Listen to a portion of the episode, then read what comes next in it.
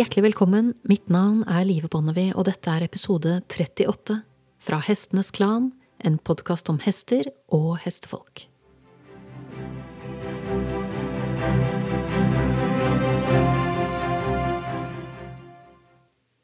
Jeg kjøpte min første hest, en islandshest, da jeg var 17 år gammel. Og mye av det jeg kan, det har jeg lært av ham. Han lærte meg ikke bare hva som er viktig i livet når man er hest. Han lærte meg også at vi mennesker alltid har en mulighet til å bli en bedre versjon av oss selv. Og på mange måter så er det den samtalen jeg hadde med denne hesten, gjennom de 17 årene jeg var velsignet med å dele livet mitt med ham, som har utløst deler av behovet for å lage denne podkasten. De første årene som hesteeier så drev jeg med det islandshestfolk pleide å drive med på den tiden. Jeg hadde kjøpt hesten min da jeg var ganske ung, så det første jeg jobbet med, var gangsetting. Og når jeg hadde fått orden på hans fire gangarter, så de var godt sortert og klart skilt fra hverandre, så fulgte det en periode med konkurranseridning som ble ganske kortvarig, for jeg har alltid vært den typen som hadde mest glede av å tilbringe tid med hesten i naturen, i skogen. Da jeg hadde hatt ham i rundt ti år, så reiste jeg til utlandet for et halvt år i forbindelse med studier. Og da jeg kom hjem igjen sommeren 1998, så var hesten min halt. Ingen kunne med sikkerhet si hva som hadde skjedd, og han hadde stått hos folk jeg stolte på. Trolig hadde han hengt seg fast i noe på beite og kanskje hatt det litt for travelt med å komme løs. Mulig hadde han vært i klammeri med en annen hest. Det er umulig å si sikkert. Men det som er sikkert, eller var sikkert den gangen, var at den dypere bøyescenen på venstre fram var både hoven og øm.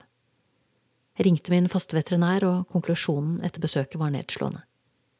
Hesten min var ikke ferdig som ridehest, men han ville aldri kunne yte 100% igjen, så de lange turene i skogen vi pleide å dele, de var historie. Jeg hadde ikke startet konkurranser de siste ti årene, så det var ikke et tema, men med en slik skade hadde han helt klart vært ferdig som konkurransehest for alltid. På dette tidspunktet så var min relasjon til hesten så dyp at selv om jeg syntes det var vemodig at skaden hans ville sette så store begrensninger, både på hva vi kunne gjøre sammen og hans eget liv, så var det viktigste for meg at vi fortsatt var sammen. Jeg var hjemme i Norge for godt, og slik jeg så det, var det bare spørsmål om tilrettelegging. Korte turer har også en verdi. Og med økt fokus på bakkearbeid så kom jeg også i kontakt med flere interessante trenere, og fikk mulighet til å utvide mitt repertoar på bakken på en måte som jeg neppe ville gjort hvis jeg hadde hatt en fullt ridbar hest. Som de fleste forbannelser rommet også denne en velsignelse. I tillegg til å tilegne meg kunnskap om hestens atferd og kommunikasjon, så brukte jeg denne perioden rikelig med tid på å prøve å gjøre hesten min frisk. Salver, urter, alle slags remedier og behandlinger som var tilgjengelige på den tiden, ble testet. Men seneskade er utrolig utfordrende å hele, og det tar enormt med tid og man støter fort på en annen utfordring, og det er at i motsetning til skade på skjelettet, så heles ikke seneskader 100% De vil trolig for alltid ha en svakhet man må passe på. Men målet mitt var at han skulle bli så bra som mulig og ha det så bra som mulig. Så jeg red pent og pyntelig, kort og lett, og slik gikk de neste fire årene. Men rundt 2002 så ble skaden verre igjen, uten at jeg med sikkerhet kunne forklare hvorfor. Det ble en ny runde med veterinæren og hesten var én grad utgangshalt under mønstring og tre grader halt etter bøyeprøve. Veterinæren som hadde fulgt skaden over tid, sa at det var på tide å sette strek, og denne gangen ble jeg anbefalt avliving. Dette var i begynnelsen av juni, og jeg spurte veterinæren om vi kunne la hesten min få en siste sommer, helt uten ridning, ute på beite med kompisene sine i sola, og så kunne vi heller ta ham til høsten. Dette mente veterinæren heldigvis var godt innenfor velferdsmessig, hvis vi kjørte på med en runde med betennelsesdempende og smertestillende medisiner først, og han fikk lov å rusle rundt i sitt eget tempo uten belastning. Som sagt, så gjort, men jeg tok ett grep til også. Jeg lot testen min gå uten sko. Dette pleide han alltid å gjøre de tre ukene jeg typisk var på ferie hver sommer. Jeg var jo fortsatt i en alder hvor jeg kunne tvinges med av familien, og de ukene jeg pleide å være borte da, så lot jeg ham alltid gå uten sko ut fra en tanke om at det er bra for høvene å få kontakt med jeg vet ikke, kom tettere kontakt med underlaget, eller alltid en sånn følelse av at jo, det er viktig at hesten har en pause fra skoene. Men dette ville bli første gangen siden hesten min var unghest at han fikk gå noen måneder uskodd. Den sommeren sa jeg opp stallplassen, ettersom hesten min etter alle solemerker ville være død til høsten. Og da det var gjort, så var jeg oppsatt på å gjøre det meste ut av tiden vi hadde igjen. Etter 15 år sammen hadde hesten min og jeg fått en helt spesiell relasjon.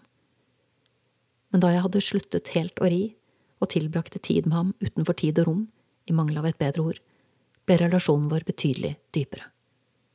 Det var da jeg lærte verdien av å møte hesten i hestens verden. Jeg hadde ikke lenger noen agenda, ingen krav, ingen behov, ingen oppgaver han skulle fylle i livet mitt. Jeg bare møtte ham, stelte for ham, pratet med ham, mediterte med ham og lå i sola med den tunge skallen hans hvilende på magen, mens humlene surra og tretoppene raslet. Det ble en nydelig sommer. Og selv om jeg alltid har likt å sitte på beite og se på hestene, så har jeg aldri gjort det så mye som jeg gjorde det sommeren 2002. Så ble det sakte, men sikkert kaldere i været. Fuglene begynte å trekke sørover, og høsten nærmet seg ubønnhørlig. Men jeg hadde god kontroll på den skadde scenen gjennom sommeren, og hesten min virket merkbart bedre. På alle måter. Så før jeg kontaktet veterinæren igjen, for å fullbyrde dommen, så fikk jeg hesten skodd med følgende instruks til horslageren. Ikke rør eller pirk borti den naturlige slitasjen. Sko ham akkurat sånn som han har slitt høvene sine. For det hadde begynt å forekomme meg at det å gå uten sko faktisk hadde slått positivt ut for det skadde beinet hans, og jeg var livredd for å rote ting til igjen. Hesten ble skodd som foreskrevet, og veterinæren kom, mønstret og bøyde opp alle beina.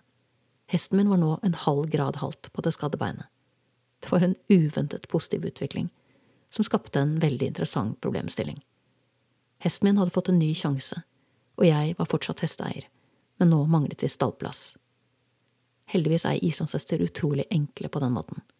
Vi flyttet ham bare midlertidig inn til en kompis i en boks som de to delte, i påvente av at det skulle dukke opp en ny stallplass, og det gjorde det etter hvert. Men det som virkelig opptok meg, var hvordan jeg skulle hindre skaden i å slå oss opp igjen. Det var rundt denne tiden de første barfottrimmerne dukket opp i mitt distrikt, og jeg fikk dem raskt på radaren for det å ta av skoene var trolig det som hadde reddet livet til hesten min. Dermed var det ikke fritt for at jeg ble veldig nysgjerrig på hva det kunne få å si for helsen hans om han fikk lov til å leve et liv helt uten sko, et liv som barfothest. Over et ganske kort tidsrom så var det flere ting i hesteholdet mitt som endret seg radikalt i denne perioden. Jeg fant en ny stall der hesten gikk på utegang, barfot, og alle som hadde hest der, hadde en felles grunnfilosofi, vi hadde alle blitt inspirert av de samme trenerne. Det skulle være på hestens premisser denne gangen, og i den grad noen av oss noen gang hadde vært grådige, så hadde vi lagt grådigheten bak oss. Det var en tysk veterinær som hadde lagt grunnlaget for den første barfottrimmen vi kom over, og det var to stykker på min kant av landet som var utdannet innenfor og praktiserte denne formen for barfottrimming. Så vi gikk for denne metoden, alle som var på stallen. Vi var en håndfull idealistiske hestefolk, med stort fokus på velferd og beitehygiene, for å nevne noe. Jeg tror vi møkket mer ute enn vi normalt ville gjort inne, og trimmingen av høvene hadde en mye kjappere frekvens enn skoingen som vi hadde sluttet med, så ingen skal beskylde oss for å ha gått for enkle løsninger eller billige løsninger. Før vi ble barfotentusiaster, så fikk vi en innføring i filosofien bak trimmemetoden, og vi likte det vi hørte. Hoven skulle få være naturlig og fri for jern, i form av både hestesko og søm og barfottrimmen skulle ikke bare sikre hesten en sunn optimalisert hovmekanisme og god hovhelse. Det skulle også sikre hesten bedre overordnet velferd. Sålen hesten skulle gå på, skulle bli tykk og sterk, hovveggen intakt og fri for sømhull, kråka skulle ikke lenger bli kunstig klemt sammen av jernskoene og skåret i, men skulle finne tilbake til sin naturlige form og funksjon. Den skulle bli bred, tykk og god, og fungere som et ekstra bankende hjerte under hver hov for det er slik at hoven har en ekstremt rik blodtilførsel som pumpes tilbake i kroppen hver eneste gang hesten tar et steg. Så en fri, velfungerende hov vil i sin tur også styrke organismen som helhet.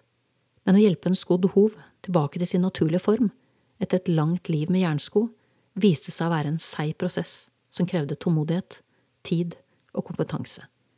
Hovbeinet skulle være parallelt med bakken, ble det sagt, så den første jobben i det som må kunne kalles en rehabilitering av hoven, var å sikre hesten en riktig kontakt med underlaget, slik at hovmekanismen skulle få den funksjonen som den var tiltenkt fra naturens side, i motsetning til den innsnevrede, skodde hoven som hadde blitt tvunget inn i en unaturlig form gjennom år med skoing. Det var klart definert hvilken vinkel en naturlig hov skulle ha, og hovtrimmerens oppgave var å fasilitere veien tilbake til en sunn og naturlig hov. Det var en helt ny verden. Men det kjentes både godt og riktig å la hesten få komme tilbake til seg selv, fri for jern. Vi ikke med bitt heller på denne tiden. Selv hadde jeg helt sluttet å ri med utstyr, så det var det naturlige som gjaldt. Det var partnerskap og fullstendig fravær av tvang og krav. Alt handlet om verdighet, samspill og finstemt kommunikasjon. Men å få en hest som har vært skodd hele livet, operativ som bare fått hest, det kom virkelig ikke av seg selv. Og det kom heller ikke smertefritt, viste det seg. Hestene var tidvis sårbeinte, og skulle de gå på noe annet enn gress, noe hester ofte dessverre er nødt til når de ikke bor på prærien, så måtte det boots til. Nok et nytt fagfelt å sette seg inn i. Å finne noen boots som hang på i strak galopp uansett underlag for å starte et sted. Og ideelt sett boots som ikke krevde to personer for å få dem av og på. Dette var i bootsenes tidlige barndom. Og i barndommen har man som kjent barnesykdommer. Men vi ga oss ikke. Vi prøvde og feilet og gledet oss over høver som etter hvert var helt frie for hull etter søm. En barefothov lager også et utrolig vakkert avtrykk i jordsmonnet. Den er mye rundere enn en skodd hov, og kråka kommer mer i kontakt med underlaget. Så den retningen jeg nå hadde valgt for hesten min, tikket inn på alle boksene.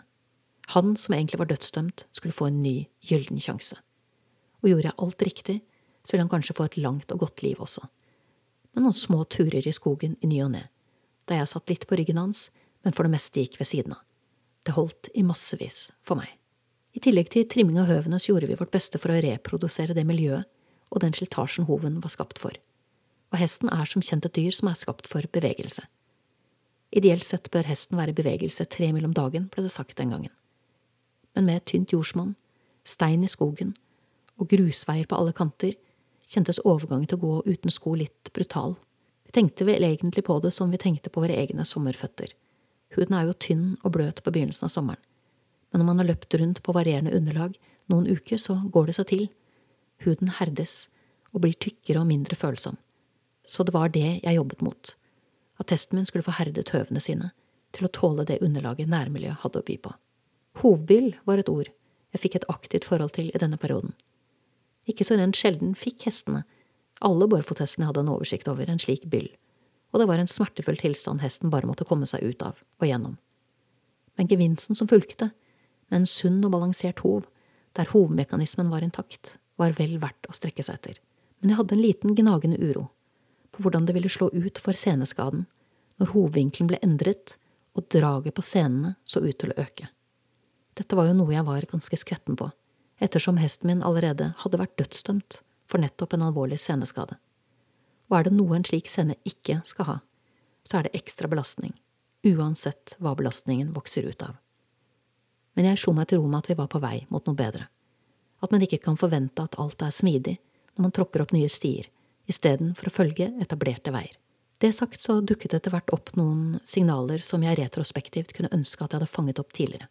Det ene var at hesten min var mindre og mindre interessert i å slippe hovtrimmeren innpå høvene sine. Han nappet stadig til seg beina. Og etter hvert som denne atferden tiltok, ble han av hovtrimmeren omtalt som frekk, et ord ingen noen gang hadde brukt om hesten min verken før eller siden. Og et ord jeg nok hadde stusset mer over hvis jeg ikke hadde vært høygravid og full av hormoner. For når var det egentlig hesten min ble frekk? Og i tilfelle hvorfor? Det andre signalet som jeg absolutt la merke til, selv om det kom veldig snikende, var at rideturene våre ble stadig kortere. Jeg red for det meste helt uten utstyr på den tiden, så vi var egentlig to om å avgjøre hvilken tur vi skulle ta. Og da hesten min valgte stadig kortere turer, det vil si vi hadde ligget på ca. en halvtimes turer over lang tid, men våren 2004 så var vi etter hvert nede i fem minutter, og dette uroet meg. Scenen kjentes ikke unormalt fortykket ut, men hesten min beveget seg mindre enn før, og fordi han fortsatt hadde en tendens til sårbeinthet, så var han egentlig litt ukomfortabel med alle beina sine. Så jeg fryktet at skaden på en måte ble kamuflert litt, i og med at han beveget seg så varsomt og så lite. På et tidspunkt var uroen min for at skaden skulle blusse opp igjen så uttalt at jeg ville ha en veterinærvurdering av beina hans. Dette var et litt utfordrende tema, husker jeg, for vi måtte langt på vei gjøre en avtale med hovtrimmeren om at vi ikke skulle trekke veterinærer inn i ligningen. Dette fordi det ble sagt at metoden var så ny og fordi en veterinær ikke ville ha de rette forutsetningene for å kunne vurdere en sunn barfothov. men det var ingen vei utenom. Trimmingen hadde nå gjort høvene til hesten min ganske lange i tåa, noe jeg ble stadig mer bekymret for at ville påvirke scenen hans på en uheldig måte. På den tiden hadde det også dukket opp flere teorier om hva som faktisk var den beste trimmen for barfothester, og ikke alle gikk for den karakteristiske lange tåa, som gjerne fulgte den retningen som vi valgte på stallen der hesten min sto. Andeføtter ble det sagt at hester trimmet etter denne metoden fikk, og jeg kan skjønne hvorfor. På dette tidspunktet hadde jeg fulgt nitidig med på scenen som var skadet over et tidsrom på fire år, og jeg kjente hesten min ut og inn. Og selv om han ikke var synlig halt, så var det tydelig for meg at han var i ferd med å få problemer. Så jeg tok hesten min til en veterinær som jeg hadde fått anbefalt. Hun fant ikke noe påfallende ved den skadde scenen, noe jeg husker jeg syntes var overraskende, fordi jeg selv kunne kjenne at den hadde endret seg. Derimot reagerte hun kraftig på lengden på tåa, som hun også påpekte var svært uheldig for en hest med en slik seneskade. Det var en hovslager til stede i stallen der undersøkelsen fant sted, og fordi jeg begynte å bli temmelig desperat, endte vi opp med en spontan trim i stallgangen der tåa ble tatt solid tilbake. Litt for solid og litt for fort, kanskje, gitt situasjonen. For rundt denne tiden fikk vi også en ny hest på stallen. En hest som var dominant og flyttet de andre hestene en god del rundt. Så hesten min kunne ikke lenger bestemme hvor mye han beveget seg. Han som lenge hadde vært leder i flokken, og selv bestemte hvor mye han flyttet på seg, ble nå flyttet rundt. Kombinasjonen av belastning av scenen over lang tid, en brå overgang der tåa ble tatt tilbake, og en markant endring i bevegelsen i flokken, var tre små tuer som i sum veltet lasset. Seneskaden blusset kraftig opp slik en seneskade kan gjøre. Den er som en løve som lusker i gresset. Du synes du aner at det er noe i gjære, men når løven først bykser frem, er det for sent og etter en periode med litt lusking i gresset, så hugg beistet til med full kraft, og i løpet av en snau uke endret scenen fullstendig karakter, fra å skape litt ubehag til å bli et synlig problem for hesten min. Jeg tilkalte veterinæren som hadde fulgt hesten opp de siste årene, og da han fikk undersøkt scenen, hadde tilstanden utviklet seg så kraftig i negativ retning at han anbefalte nødslakt. Vi kom likevel til enighet om smertestillende i to dager så jeg og familien min fikk tatt ordentlig farvel med en hest jeg hadde hatt mer enn halve livet. Og dagen etter det så ble det satt punktum for mitt livs vakreste eventyr med en boltpistol. Jeg har, siden hesten min døde, aldri klart å legge bak meg noen ubesvarte spørsmål jeg hele tiden hadde mens hesten min gikk barfot. Det var noen brikker som ikke helt så ut til å passe. Noen brikker som jeg har forsøkt å flytte rundt på de siste 15 årene. 15 år der jeg hører hva folk sier, men ofte synes jeg ser noe litt annet, og jeg har tenkt at det jeg har observert er verdt å snakke om. Men fremfor at jeg, som mange andre som mener noe om høver, lirer av meg hvordan jeg oppfatter det jeg ser fra utsiden, så har jeg funnet en som har brukt nesten 40 år på å studere hoven fra innsiden. I neste uke publiserer jeg et intervju med en internasjonal ekspert på hovmekanisme og hovhelse. Et intervju jeg selv kunne ønske at jeg hadde hørt for 20 år siden. Du har nettopp hørt episode 38 fra Hestenes Klan, en podkast om hester og hestefolk. Takk til min faste komponist Fredrik Blom, takk til min første hest og min første store kjærlighet, og sist, men ikke minst, takk til deg, kjære lytter, for tålmodigheten. Måtte hesten for alltid være med deg.